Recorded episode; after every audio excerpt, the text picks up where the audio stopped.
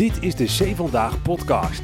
De nieuwspodcast waarin je hoort wat christenen in Nederland bezighoudt. Welke items komen in deze aflevering ter sprake? Presentator Jeffrey Schipper praat je bij. Het is een tijdje geleden, maar we zijn er weer. Bij dominee Visser van de Gereformeerde Gemeente in Amersfoort. Met hem gaan we een aantal nieuwsberichten, nieuwsberichten bespreken. De vorige keer in coronatijd. En nu, ja, een beetje na coronatijd. Maar we gaan het toch nog een beetje erover hebben. Want uh, volgens het Nederlands Dagblad lopen de kerken sinds coronatijd leeg. En we gaan uh, van dominee Visser horen of hij dat ook herkent. We gaan ook naar Israël, want daar zijn allerlei ontwikkelingen gaande. Ook op het gebied van... Uh, evangelisatie. Komt er misschien een wet die het moeilijker gaat maken? Daar gaan we het ook over hebben. We gaan het hebben over groene preken. Er is een wedstrijd uitgeschreven voor de beste groene preek. Gaat dominee Visser ook meedoen? Dat gaan we horen. Maar eerst zometeen de rubriek, de ergernis van de week. Dominee, daar zit u nu al uh, naar uit te kijken of niet? Ik heb in de afgelopen week me af en toe wat verwonderd over de krant en soms ook geërgerd. Ja, dacht Ja. ik van, moet dat nou zo? Ja, nou, dan gaan we er zo meteen naar luisteren. Maar ik wil toch eerst even met, u- met uzelf eh, beginnen. Eh, want we, we leven in de stille week, eh, richting Goede Vrijdag en Pasen. Dus is dat een bijzondere week voor u? Ja, elke dag is eigenlijk een beetje bijzonder omdat ik natuurlijk weduwnaar ben. En dat geeft toch een ander leven dan ik gewend was. En zeker in zo'n stille week, dan denk je na over het sterven van de Heer Jezus. En dat is voor onze zonde. En dat ja, geeft best wel diepe indrukken. Dat snap ik, ja. Ja. Maar ook eh, heel toch eervol dat u dat mag doen, hè, als predikant. Dat u de mensen daarin mee mag nemen in eh, toch heel belangrijk heils, heilsfeest, zou je kunnen zeggen. Er is geen grotere verwaardiging voor iemand als God hem wil gebruiken als predikant, als heraut van het evangelie. Ja. Dat is de grootste verwaardiging die je ooit kunt ontvangen. En u mag dat nog steeds doen. In Amersfoort. Ruim 30 jaar. Ja, ja, mooi. Wij gaan naar onze rubriek. Het is tijd voor de ergernis van de week.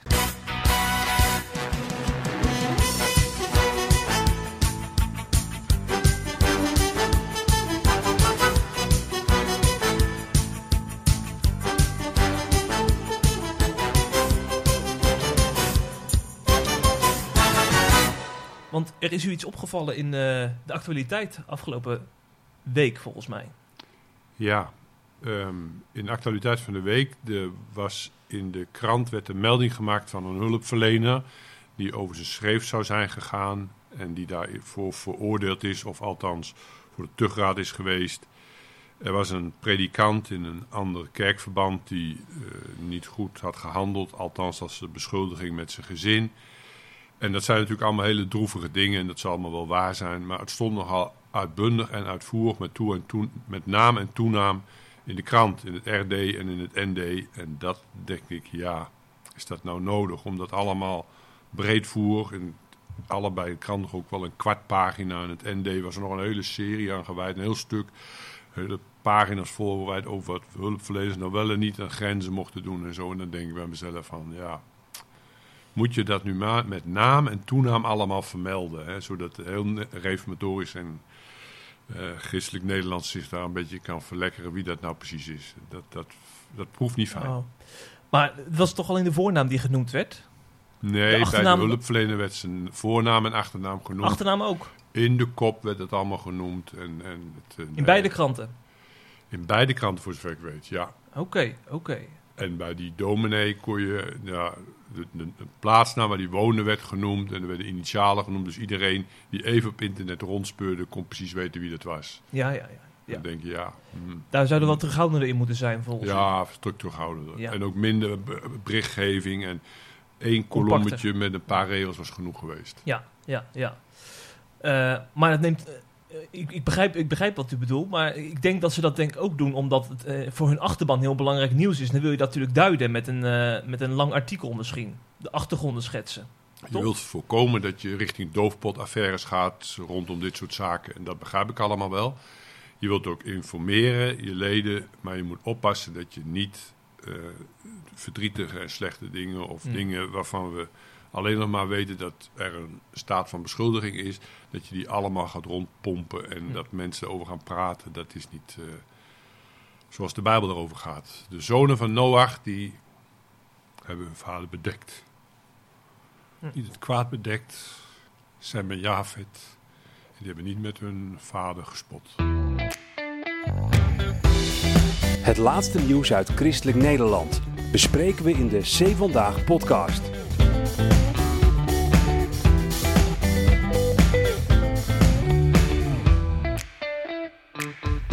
We blijven even bij eh, dezelfde christelijke media, want daarin was ook te lezen vorige week dat onderwijsminister Dennis Wiersma eh, ja, toch wel opvallende uitspraak heeft gedaan over een christelijke scholengemeenschap in het noorden van het land. En eh, daar zijn wat gefronste wenkbrauwen, daar zijn wat wenkbrauwen over gefronst. Want het lijkt erop dat de minister, Dennis Wiersma, ja, toch wat eh, voorbarig is geweest hè, in zijn beschuldiging. Het gaat namelijk over scholengemeenschap Gomaris in eh, Groningen. De minister had namelijk kritiek op eh, de identiteitsverklaring van de desbetreffende school. Maar in zijn interpretatie paste hij dat toe op hoe de school denkt over seksualiteit en in het bijzonder homoseksualiteit. Maar de, het citaat uit de identiteitsverklaring die aan bod kwam in de Kamervragen, dat ging helemaal niet zozeer over homoseksualiteit. Dat, had een veel, eh, eh, dat was veel breder. Eh, en dus ehm, lijkt het erop dat de school vals is beschuldigd door de minister en door verschillende partijen die Kamervragen hebben gesteld, die kritiek hebben op die identiteitsverklaring. Ehm, en nu hebben andere partijen, waaronder ook SGP en CDA en ChristenUnie, dus de christelijke partijen, die hebben een rectificatie geëist van de, de minister, omdat hij te voorbarig is geweest en dus de school dus vals beschuldigd eh, heeft. Hoe heeft u eigenlijk de uitspraken van de minister gelezen over de identite- identiteitsverklaring van Gomaris? Ja, hij had het dus over de. Had, A, die verwarring was opgetreden. Hij had uh, Gomaris in Gorkum verward met de Gomaris school in het noorden Ja, van het land. Dat is de eerste al, hè? Ja. Dat was het eerste. Een beetje dom natuurlijk dat ze dat niet in de gaten hadden. In de tweede plaats had hij dus de identiteitsverklaring van Gomaris uit het noorden van het land. En dat was een meer algemene Ja. uitspraak over zonde en, en dergelijke dingen meer. En hij paste dat toe op homoseksualiteit. Eh, ik kan me voorstellen dat je zegt van, hé, hey, dat is niet fraai zoals dat daar allemaal gaat. Aan de andere kant moet ik wel zeggen, en daar sta ik best wel eh, orthodox in, eh, homoseksualiteit, de, de, praxis, de praxis, denk ik, vanuit de schrift, kun je op geen moment goedkeuren. En als school, we hebben onderwijsvrijheid, mag je dat ook denk ik helder formuleren. Ook in de identiteitsverklaring mag het van u staan. Ja, ik bedoel, wat God in de Bijbel zonde noemt, moeten wij wel zonde blijven benoemen. Ja. En dan kunnen we daar natuurlijk heel lang over praten. En, en het gaat natuurlijk over de persoon die homoseksueel is. En, en hoe gaat hij daarmee om en al dat soort dingen meer. Maar dat betekent niet dat je als christelijke school, die gefundeerd is op de Bijbel, moet zeggen van nou, dan praten we daar maar niet meer over. En dan eh, zeggen we dat het geen zonde meer is. Zonde blijft zonde. Oké, want de woordvoerder van het Gomaris in Groningen werd geciteerd in de Leeuwarden Courant. En hij zegt, iedereen is zondig, maar homose- homoseksualiteit zien wij niet als een zonde. Wij leggen onze christelijke drijfveren uit, maar het is niet de bedoeling dat het op deze manier wordt geïnterpreteerd. Dus u zegt, dan, dan, u mag, je mag dat gerust zonde noemen als woordvoerder ook van, eh, van die school. Lees Romeinen 1. Hm. Paulus doet dat. Ja. En wij hebben een Bijbelopvatting waarin we zeggen wat God in de Bijbel openbaart. eh, dat heeft voor ons gezag, dat heeft voor ons goddelijk gezag. En dat volgen wij. Hm. Hoe dan ook. Maar goed, even terug naar het nieuwsfeit. Het nieuws is natuurlijk nu dat, er gewoon, dat het gewoon eh, dat er vals, eh, een valse beschuldiging vanuit is gegaan, vanuit eh, Den Haag. Ja. En wat moet er dan mee? Moet er nog iets mee gebeuren? Dan dat kan toch niet zomaar blijven liggen? Het lijkt mij zonder meer duidelijk dat, en ook al een kwestie van fatsoen, dat als je een fout gemaakt hebt, dat je erop terugkomt. Ja. En dat je niet zomaar, ook niet als ministerie, daar heeft niemand baat bij, om je gaan vast, om je hakken in het zand te gaan zetten van ik hou dat overeind, want ja, je hebt een fout gemaakt. Nou, zet dat recht. Mhm. Ja, ja. Dat is dus in de Kamervragen is dat eh, min of meer geëist hè, door verschillende partijen. Ja. Dus dan is de vraag ook of dat gaat gebeuren. Ja. Dat moeten we nog even afwachten. Eh, ja, en eh, of, ook hebben ze gevraagd of hij zijn excuses wil aanbieden. Is het ook nodig? Sorry zeggen? Of gaat het te ver? Lijkt mij, ja, dat moet zo'n minister uitmaken. Of hij sorry wil zeggen. Lijkt mij wel verstandig om dat te Mm. doen. Je hebt een fout gemaakt. Nou, Ja. oké, sorry, excuses. Dat is dit kabinet toch al makkelijk Mm. in. Excuses maken Jan en Alleman, dus dat kan er nog wel bij. En, maar wat zegt dit over eh, hoe er vanuit de maatschappij naar het bijzonder onderwijs wordt gekeken? Want men vreest nog wel eens voor de toekomst hè, van dat bijzonder onderwijs. Die bijzonder ook het reformatorisch onderwijs. Nou, dat zie je dus wel. En dat is natuurlijk het moeilijke punt in dit geheel. Ja. Dat je als christelijke school, als behoudende school...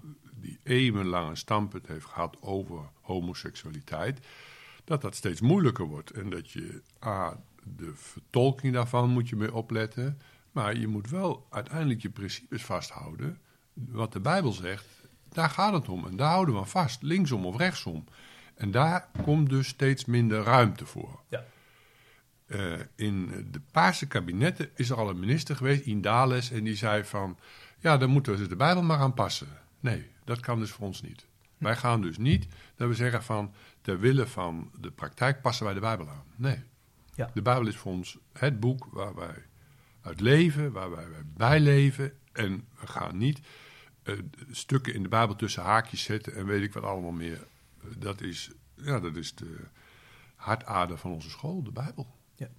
Daarom zeggen sommige mensen dat het des te belangrijker is dat CDA en ChristenUnie in de regering zitten. Want die, die hechten natuurlijk heel veel waarde aan de vrijheid van onderwijs en godsdienst. Zeker. Dus die hebben we dan wel nodig dan blijkbaar, Die om hebben die voor we op te komen. nodig. Hoewel je natuurlijk ook binnen het CDA, dat is al heel lang aan de gang. En Ja. bij de ChristenUnie zie je dat natuurlijk ook. Oh, juist op dit punt zie je best wel een hele forse verandering optreden. En daar ben ik niet blij om. Een Als vrije manier van denken. Ja. Ja. Als je het Nederlands Dagblad leest van 50 jaar terug met stukken van professor J. Dauma. En je leest het Nederlands Dagblad van vandaag met de Bruyne die gewoon zegt van homoseksualiteit is geen enkel probleem. Ja, in de Bijbel wel, maar wij hebben meer kennis. Dat zegt de Bruyne gewoon. Dat is hoofddocent ethiek, eh, professor ethiek in eh, Kampen. En die manier van denken ziet hij ook terug binnen de CDA en ChristenUnie, dat hij dit Ja, voorbeeld zeker. aanhaalt. Ja, ja. Zeker. Ja, het eh, heeft in en met elkaar te maken. Ja, Ja. Nou, wat dat betreft moeten we de komende jaren wel in de gaten houden hoe het zich verder ontwikkelt. Want het kan nog best spannend worden dan. Begrijp ik uit uw woorden. Ja.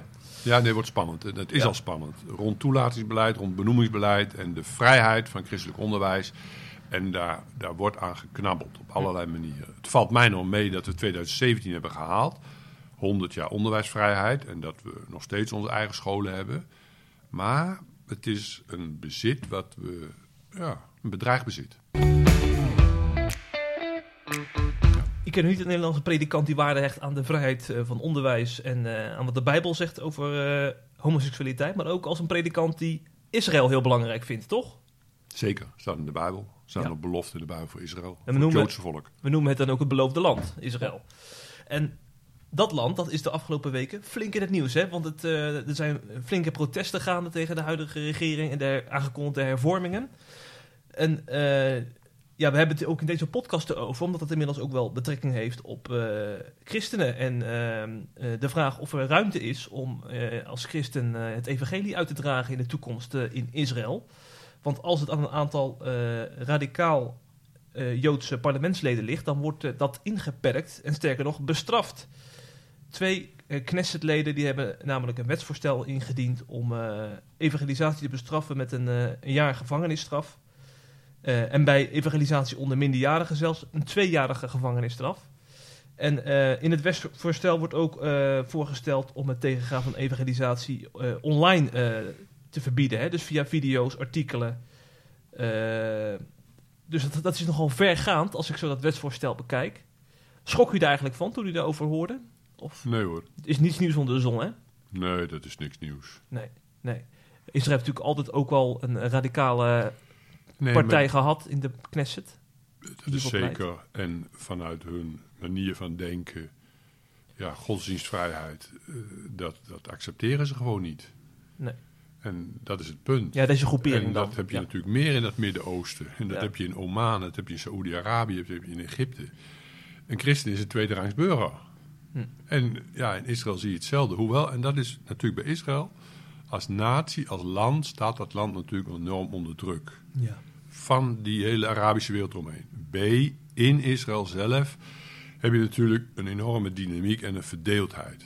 Maar het blijft een westers land met een democratie waarin men probeert door middel van, van stemmingen en door middel van een rechtsstaat en door middel van een democratisch proces de boel op orde te houden. Nou, en in zo'n democratisch proces wordt er nu zo'n wet voorgesteld om evangelisatie te verbieden. Uh, het is nog maar een wetsvoorstel, dus of het ooit realiteit wordt, moet maar afwachten. Hoe het dan voor functioneert, dus een samenleving moet je ook naar maar kijken. Uh, aan de andere kant moet je ook zeggen, dus, dus dat loopt ik weet niet, het loopt zo'n vaart volgens mij niet. Het is meer een beetje symboolpolitiek van de ultra-orthodoxe groeperingen. Aan de andere kant moet je ook zeggen, Israël, ehm, kijk, uh, wat je ziet in, in zo'n land als Israël, dat is, ja, men, men zoekt gewoon in die hele wereld. En, en dat is best een hele lastige opgave. En zo'n Netanyahu, die moet dan weer steun zien te krijgen bij dat soort uh, mensen. En dat is niet altijd makkelijk. Hoewel christenen, kijk, en dat is aan de andere kant, Jeffrey. We zijn nu natuurlijk in het Westen, we hebben vrijheid en blijheid. En we mogen naar de kerk en we hebben alles en nog wat. In China trekt het aan, wordt het regime strakker. In Noord-Korea kun je als christen niet leven. In, in Saoedi-Arabië kun je ook als moslim geen christen worden. Enzovoort. Verdrukking hoort wezenlijk bij de christelijke kerk. Hm. Ja. En de christenen in China zeggen van, we kregen het te makkelijk. En daarom wordt het regime wat verstrakt, zodat we weer echt christen zijn. Mhm. Wij zijn dat in het Westen helemaal niet gewend. Wij zijn verweekte christenen. Hè? Wat het een offer is om het te zijn. Dat het moeite kost. Dat je ervoor in de gevangenis kunt komen. In de Bijbel zie je dat de mensen er blij om zijn. En Jacobus zegt: verheugt u wanneer u verdrukt en vervolgd wordt. Ja. ja. Want dan blijkt dat je het echte bent. Het ware. In die zin is het ook een soort uh, beproeving voor christenen in Israël om dit zo, zo te zien. Dan. Een soort loutering. Ja. ja. Ja. De Heer gebruikt af en toe loutering. Ik las vanmorgen in de Bijbel, Jeremia 50. Babel is de hamer van de ganse aarde. En die hamer wordt gebruikt en als God hem niet meer nodig vindt, wordt hij weggelegd. Mm God een andere hamer, de mede en de persen. Ja, ja. Nog even een ander aspect, want uh, we hebben vorige week een column van Opperabijn Jacobs geplaatst, aan van de, uh, dat wetsvoorstel, om te vragen hoe uh, hij nou denkt over evangelisatie onder het Joodse volk. Hè? Want daar wordt in christelijke kring ook verschillend over gedacht. Mm -hmm. De een zegt, daar moet je heel voorzichtig mee zijn, want we hebben in naam van Christus hebben we het Joodse volk in de, met de kruisstochten verschrikkelijke dingen aangedaan. En de ander is daar wat ruimer in. Maar bij Opperabijn Jacobs zie je dus in zijn column dat, dat, dat dat hij echt ja, bijna emotioneel wordt hè, als die overgaat. Want hij moet dan weer terugdenken aan die kruistochten en die christenen die wegkeken in de Tweede Wereldoorlog van het Joodse volk. Is dat een reden om dan, om dan te zeggen, moeten we ook terughoudend zijn met evangelisatie? Kijk, Jacobs weet heel goed wat een religieus mens is. Ja. Die is tot in zijn wortels ervan doordrongen dat hij, wat hij gelooft, de waarheid is. Jacobs kan dus ook weten wat het is voor een orthodox christen om een religieus mens te zijn, orthodox christen te zijn. En Jacobs heeft een mening, Van de Kamp heeft het heel mooi geformuleerd. Die zegt, ik zou het een christen verwijten als hij mij niet uh, zou willen vertellen wat hij in het evangelie heeft gevonden. Lodi van de Kamp, de rabbijn. Ja. ja, ja. En, maar omgekeerd moet een christen wel accepteren dat ik wat hij zegt niet voor waarheid aanneem. Wat is evangeliseren? Evangeliseren is niet iemand met het pistool op de borst dwingen om christen te worden. Evangeliseren is dat je ervan vertelt en dat je zelf het goede voorbeeld geeft. En dat je laat zien dat de christelijke leefwijze en de christelijke manier van geloven waarde heeft en betekenis voor jou. En dat je dat ook uitprobeert te dragen aan anderen, aan je kinderen, aan je omgeving enzovoort. Die manier denk ik, als Jacobs nadenkt, dat hij en dat weet ik wel zeker, dat hij die ruimte ook zal geven. Misschien is hij wat geëmotioneerd door die wat evangelicale benadering van... Uh, we komen aangevlogen, we, dumpen daar wat boekjes en we praten wat verhaaltjes. Maar ik misgun Jacob zijn manier van leven niet. Laat mij mijn manier van leven ook uh, hebben. En laat mij dan ook met overtuiging spreken van het evangelie van Jezus Christus als de enige weg ter zaligheid. Hm. Ja. Zonder dwang en zonder dat ik een Jood een pistool op de borst zet. Hm. Hij is helemaal vrij om het te aanvaarden of naast zich neer te leggen. En zo is hij dus ook vrij om bijvoorbeeld naar de kerk te gaan. Ja. En eh, dat is nog wel een dingetje, dominee. Want eh, sinds de coronacrisis lijkt er te sprake zijn van een heuse leegloop in kerkelijk Nederland. Het Nederlands Dagblad eh, heeft een vragenlijst verstuurd naar 750 vertegenwoordigers van lokale kerken in Nederland. En het waren toch wel opvallende uitkomsten. Uit de rondgang blijkt namelijk dat veel kerken zo'n 10 tot 25 procent minder bezoekers trekken tijdens de fysieke diensten. Bij minstens 1 op de 10 kerken is dat zelfs meer dan 25 procent. En dan krijgen de PKN en de Rooms-Katholieke Kerk de hardste klappen. Eh, las ik, maar liefst 75% van de kerken binnen de PKN ziet op zondag minder bezoekers dan voor de coronacrisis. En in de katholieke kerk 70%. De reformatorische kerken doen het wat beter. Maar ook in de gereformeerde gemeente, waar u dominee bent en in de herstelte van de kerk, eh, ziet 1 op de 5 scriba's dat er sprake is van een afname. Dus daar is ook wel, zijn ook de gevolgen wel zichtbaar. Schrok u van de cijfers toen u eh, die las? Nee, ik schrok daar niet van. Ehm, en eh, kijk, die coronatijd was een hele moeilijke periode. Twee jaar lang hebben we een beetje gezeten. Soms met helemaal geen mensen in de kerk. Soms met een paar mensen in de kerk. Soms met wat meer, soms wat minder. Gelukkig is die periode weer over. Kan trouwens ook weer terugkomen. Hè? Dus het kan zomaar dat er ebola komt of weet ik veel wat. Nog veel erger. En dan moeten we nog heftigere maatregelen nemen om eh, de zo'n pandemie te beheersen. Eh, dus laten we nou niet te hard juichen. Het kan zo weer terugkomen. Eh, aan de andere kant heb ik wel gedacht, hoe gaat het nou straks naar die twee jaar verder? En mij valt het in de gemeente die ik mag dienen gelukkig mee wat de gevolgen zijn. Ik merk er wel iets van aan sommige mensen die wat eh, makkelijker zijn geworden. Maar over het algemeen, de kerk zit weer vol. De mensen komen weer, zijn weer blij dat ze naar de kerk mogen. Jonge mensen gaan weer naar de catechisatie. En, en langzamerhand zie je het gemeenteleven weer opbloeien en eh, weer zijn normale patronen kiezen. Dus ik, had, ik was bezorgd dat het in mijn gemeente, de gemeente die ik mag dienen, ook wat eh, mis zou gaan. Maar dat is gelukkig niet gebeurd. Het is, eh, ja, heeft zich niet voltrokken. In andere kerken heeft zich wel voltrokken. En wat ik zo hoor van eh, medebroeders die ik daarover praat en daarmee over spreek, ja, is dat best wel zwaar. En, en is dat best wel heftig als je mensen die jarenlang in de kerk hebben gezeten, plotseling ziet afhaken of nog maar één ziet komen of heel slordig enzovoorts. En Ja. ja, dan, dan dat, dat is heftig en dat is aangrijpend. Ja. Ja. Maar eh, wat is eh, afhaken volgens u? Is dat achter de livestream, is dat, is dat ook afhaken? Ja, vind ik wel. Kijk, een kerk is een gemeenschap. Hm. En een gemeenschap doe je niet door thuis achter een schermpje te gaan zitten kijken en te luisteren naar een of andere preek. Je komt samen, je ontmoet mensen, je ziet de mensen waar je naast zit. Je praat er even mee, je loopt met hen samen uit de kerk. Een kerkdienst is veel meer dan van een schermpje of van een podcast iets luisteren wat eh, je bevalt of niet bevalt. Een kerkdienst is aanwezig zijn. Het is je gaven geven. Het is een gebed samen doen. Het is zingen samen. Het is aanwezig zijn. We beleiden niet. Dat, eh, ik, ik ben, ik, ik, we beleiden een gemeenschap, de heiligen.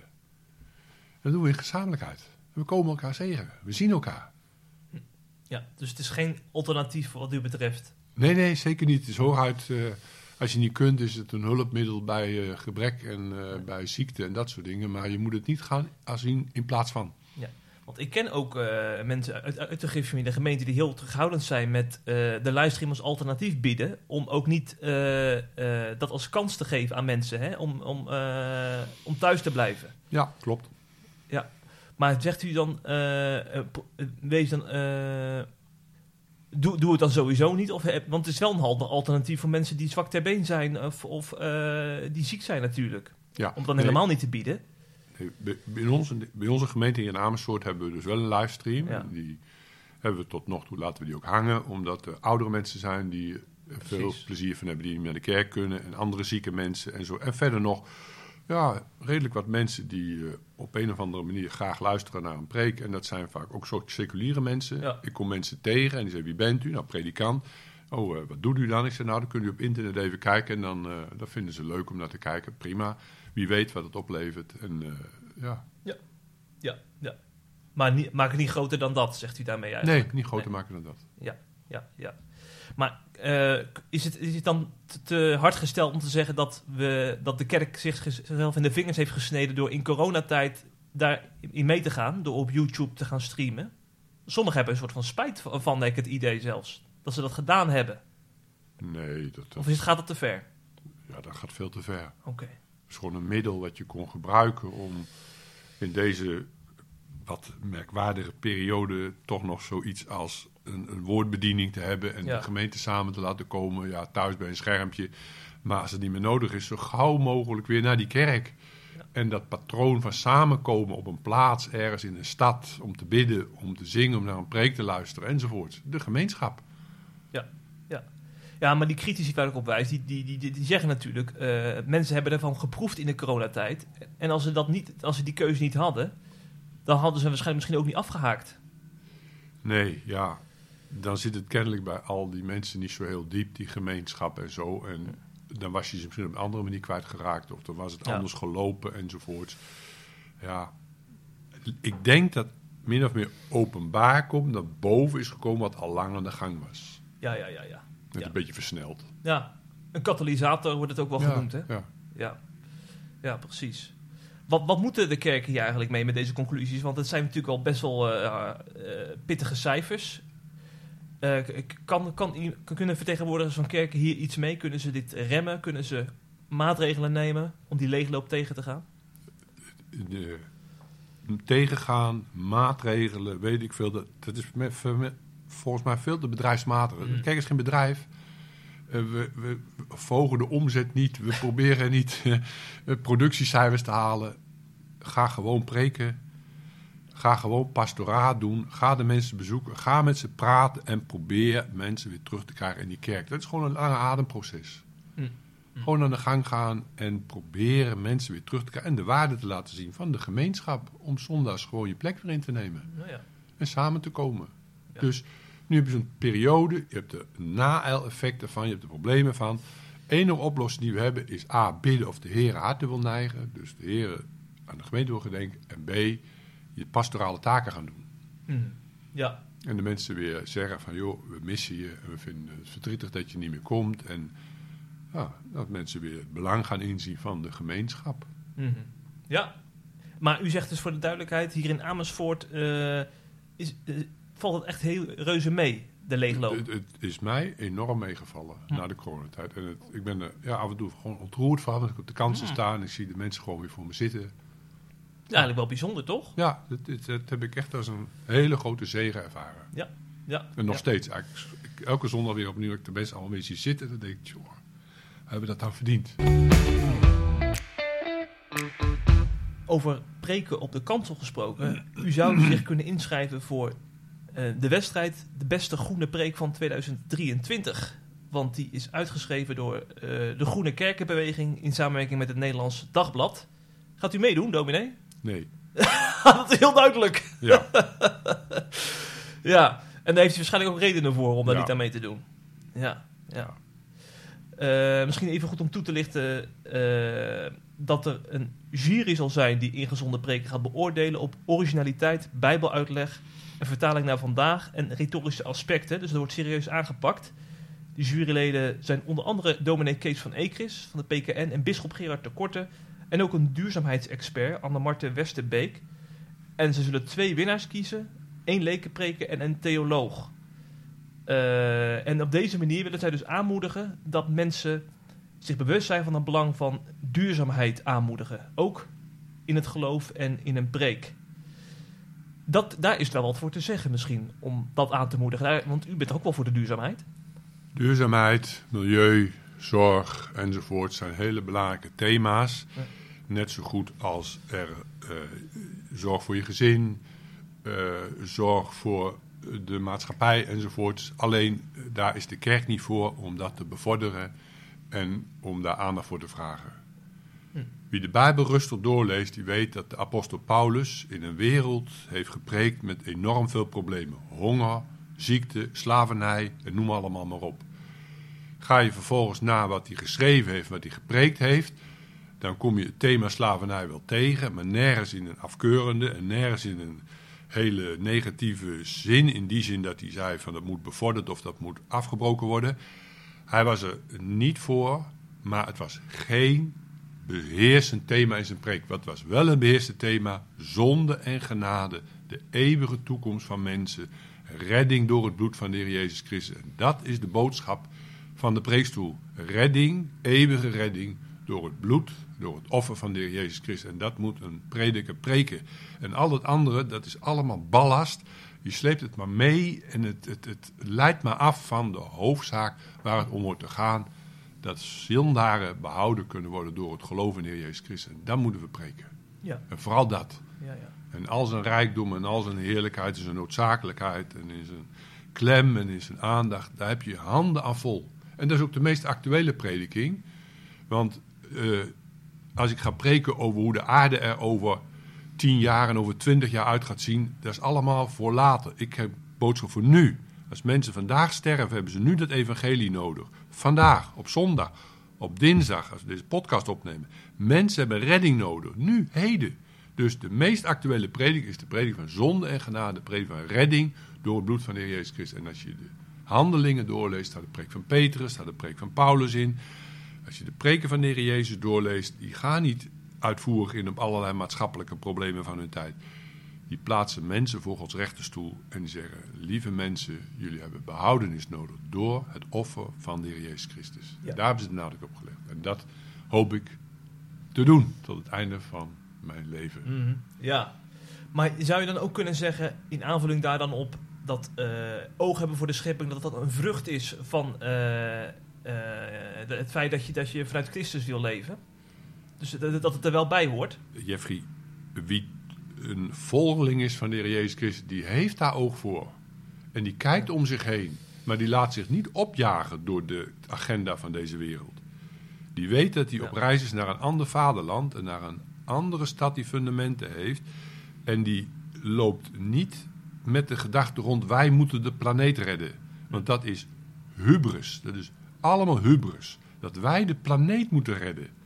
Die planeet wordt alleen maar gered door het zoen- en kruiswerk van Christus. En er komt een hele nieuwe planeet, er komt een hele nieuwe hemel en een nieuwe Mhm. aarde waarop gerechtigheid wordt. En hier op aarde leven wij een beetje, ja, niet te wild, niet te gek. Eh, we, we gebruiken deze wereld, maar we genieten er verder niet van. Mm, En de, de voetafdruk van een orthodox christ is echt zo hoog niet.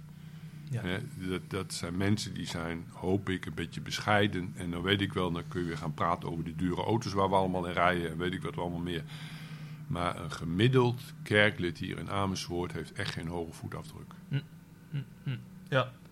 Hoe beoordeelt u dan zo'n preekwedstrijd dan? Ja, kijk, Jeffrey, ik ben van de jaren 70 en 80 en toen had je allemaal atoombomtoestanden en daar waren we op tegen en er werd er gepreekt, je had IKV en het, het kon zo gek niet zijn of het had allemaal met atoombommen te maken. Later kreeg je Zuid-Afrika en tegenwoordig krijg je Israël en je krijgt nu klimaat en weet ik wat allemaal meer. Ik vind het allemaal prima, het zijn wanen van de dag. En de, de uitdaging als christen is om daar niet in mee te gaan, als ik u goed beluister. Nee, daar moet je niet in mee. Daar heb je maatschappelijke organisaties voor, politieke partijen voor. Die moeten daar goede oplossingen voor verzinnen. Maar alsjeblieft niet in de kerk. Ja. Ja. Hou het buiten de kerk.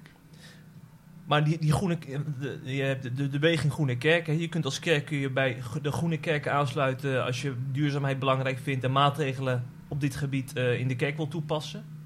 Dat is toch wel toe te juichen, los van die preekwedstrijd. Eh, Los daarvan moet je natuurlijk als kerk ook verantwoord omgaan met de hulpbronnen die er zijn. En dat je als kerk ook let op het energiegebruik. En dat Ja. je let dat, dat wij, wij doen het vuil ook in onze kliko's. En we gaan het vuil ook scheiden natuurlijk. En dat, omdat dat verstandig is.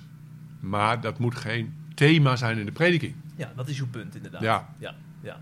Daar staat de kerk niet voor op aarde. ja. Dus dominee Visser gaat geen mailtje sturen naar groenepreek.nederlandsdagblad.nl, hoor ik. nee, Nee. ik stuur alleen maar, als ze mij om een preek vragen, dan krijgen ze een bijbelse preek. En dat is een preek van zonde en genade. Ja. Van wet en evangelie. Hm. Van Adam en Christus. Daar gaat het om. En alle andere gedoe van preken enzovoort, het is allemaal, eh, ja, het, het, het zijn allemaal dingen van onze tijd. En het zijn hunches en het heeft geen waarde. Hm. Sluit aan bij de traditie van de kerk der eeuwen. Luther, Calvijn, Augustinus. Wat hebben die mannen gepreekt?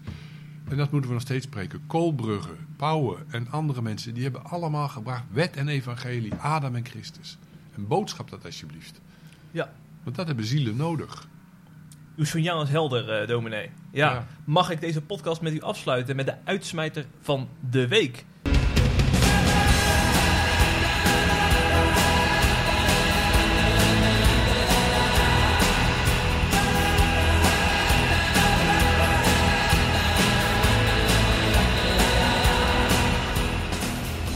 Dat is namelijk een rubriek die we sinds kort hebben geïntroduceerd om eh, te laten zien dat we ook positief nieuws belangrijk vinden hè, als C vandaag.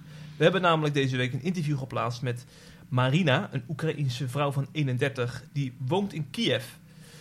Ja, zij gaat natuurlijk ook door hele zware tijden, zoals u zult begrijpen, in, het, eh, in deze oorlogstijd in eh, Oekraïne. Maar het bijzondere is, is dat ze dus het land niet ontvlucht is en daar gebleven is. En zij heeft meer oog gekregen, zegt zij, voor haar hemelse huis. En, haar, en de waarde van haar aardse huis is afgenomen. Ze schrijft namelijk, of ze zegt... eh, de Bijbel belooft ons dat als we ons aardse huis verlaten... er een eeuwig huis op ons wacht. God is mijn thuis, waar ik ook ben. Hij is bij mij. En in dat perspectief blijft zij in Kiev wonen. En ze vervolgt ook nog met eh, verhalen waarin zij merkt dat eh, God ondanks de ellende ook bij zijn kinderen is en over hen waakt. Want ze deelt een verhaal van Vera, eh, die zich met haar gezin bevond in Bucha. Nou, een stad dat ook gruwelijk getroffen is hè, door, de, door de oorlog. En dan schrijft ze, zegt ze het volgende. Tijdens haar vlucht bad ze in wanhoop tot God, wetende dat ieder moment haar laatste zou kunnen zijn. Uiteindelijk bereikte ze een Oekraïense commandopost. Daar vroegen ze haar waar eh, de vierde persoon was die ze had gezien. Maar ze waren toch echt maar met z'n drieën. De Oekraïense soldaten vertelden haar vervolgens dat ze een man voor hen uit hadden zien gaan. En toen dacht ze, dat moet een engel zijn geweest. Nou, dat zijn toch wel bijzondere anekdotes, hè, dominee, om dat zo aan te horen. Zeker. Ja. Maar er zijn ook engelen. Ja, dus, dat zijn geesten, we zien ze niet altijd. Af Ja. en toe laat de Heer even zien dat er engelen zijn. ja, dus het zou ook gewoon... Dit, dit, eh, sommige mensen interpreteren het natuurlijk als eh, eh, een beetje een, een, een, een vaag my- mysterieverhaal. Maar het zou dus echt waar kunnen zijn. Ik geloof zonder meer dat dat waar is. En Ja. ik eh contacten met mensen op zendingsvelden en zo. En daar gebeuren dit soort dingen gewoon. Ja, ja. Dat er eh, wonderlijke dingen gebeuren die niemand kan verklaren, maar die toch gebeuren. Mhm. En dat kan best een ingrijpen zijn van Gods wegen. En daar ook in de Oekraïne. Pas geleden stond er in het RD een verhaal van een voorganger van de Free Presbyterians in eh, die grote stad in het zuiden van eh, Oekraïne. Hoe heet die nou? Mariupol? Nee, Of eh, Ode- Odessa? Odessa. Ja. En die hebt daar nog met een stuk of vijf, zes gemeenteleden. En die komt elke zondag nog samen. Hè? Om te bidden voor het land, Zo. te bidden voor het volk. Ja. En daar zijn werk te doen. En ik dacht van ja, kijk, het kan allemaal klein zijn. Het lijkt allemaal niks voor te stellen. Maar hij zit er wel. Mhm. Mhm. En hij laat zien dat Gods genade en Gods boodschap blijft klinken. Ook in Oekraïne. Ja. In die omstandigheden. Ja. En dat vind ik wereldnieuws. En dat mag voor mij op de voorpagina van de kranten. Dus niet al dat gedoe van weet ik veel. Nee, Bijbels worden vertaald. Het evangelie wordt verspreid. Wat Global Rise doet. Hè? En, en, en, ja, Internetzending, wat ze ja. ja. En ja, hoeveel mensen Bijbels lezen en, en, zich verdiepen in de Bijbelse boodschap. En hoe dat voortgaat. Ook in Oekraïne, dat daar mensen voorgaan. En dat is het wereldnieuws, denk ik, in Gods oog vandaag. Ja. En dat is heel wat anders dan wat wij er allemaal van maken. Het is toch goed dat we dan toch met Oekraïne afsluiten hè, op deze manier. Ja, God bouwt zijn rijk. Ja. En het is zelfs zo, Jeffrey, als er een oorlog moet uitbreken om één ziel zalig te maken, dan breekt die oorlog uit. Dan breekt die oorlog uit. God is nooit de oorzaak, de bron van de, de oorlog. God werkt de oorlog niet. Maar als die oorlog moet uitbreken, God bepaalt dat wel, dan breekt die uit om een ziel te bekeren. Ja. Ja. Ja. En door alle dwaasheid heen, en door alle chaos heen, bouwt God zijn kerk. We zien het ook in Syrië. Er worden op het ogenblik meer moslims gedoopt dan ooit tevoren. En dat komt omdat het centrale gezag niet zoveel greep heeft en daardoor christenen, of daardoor ja, kerken wat vrijheid geeft om moslims te dopen enzovoorts. En er worden er relatief meer gedoopt dan ooit tevoren in Syrië, in de chaos. Hm, hm, hm. Ja. En volgens mij is ook Europa het enige werelddeel waar het christendom afneemt in aantallen. De Oh, rest, heb ik gelezen, de rest van de, van de wereld, daar neemt het toe. Ja, En dat zijn toevallig ook allemaal gebieden waar, eh, waar, waar heel veel nood is. ja, En nood leert bidden. ja. Vlucht. Ja, nee, nee, nood leert niet bidden. Nee? de geest leert bidden. Ja, ja, ja, dat, was Ja, een, nee. dat was een goede correctie, dominee. Ja, Ja, nood kan ook leren vloeken hoor. Dat Oh is, ja, eh, ja dat, dat is waar, mensen ja. verbitterd raken en boos worden enzovoort. Nee, nood brengt geen stap dichter bij God. Hm, hm. Het is alleen genade. ja. Toch mooi om gecorrigeerd te worden door een dominee, hè? Ja. Want da- daardoor eh, leer je toch weer nieuwe dingen. Ja, Ja. ja, Jeffrey, ja. ja. Nee, Ja. nood leert niet bidden. Nee. nood, je hebt zoveel mensen die nood hebben en boos worden. Nee, maar dat is, eh, dat is waar. Dat is waar. ja. Ja, ja. Maar het is wel onze wens dat nood leert bidden. Hè? Dat zou wel een goede uitkomst zijn. God kan het zelf- gebruiken. Precies. God kan precies. het gebruiken. Ja. Manasse werd in de gevangenis gestopt en daar kwam hij tot inzicht. Ja, God precies. heeft het gebruikt. Ja, ja. Domin, ik wil u bedanken voor eh, uw bijdrage aan de podcast. En eh dat was volgens mij de tweede keer dat u aanschoof. Wie Ja. weet, ooit in de toekomst weer eens een derde keer. Dank, Prima. Dank voor uw bijdrage. En ik wens u nog een hele goede week toe in aanloop naar Pasen. hè. Dankjewel. Ja. En tegen de luisteraars zeg ik, eh, jou wensen we ook een eh, mooie week toe. En hopelijk tot de volgende podcast. En ik wens de luisteraar ook van harte God zegen toe. De Heer is waarlijk opgestaan en is van Simon gezien. Hopelijk heb je genoten van deze C Vandaag podcast. Volgende week is er weer een nieuwe aflevering. En blijf via cvandaag.nl op de hoogte van het laatste nieuws uit Christelijk Nederland.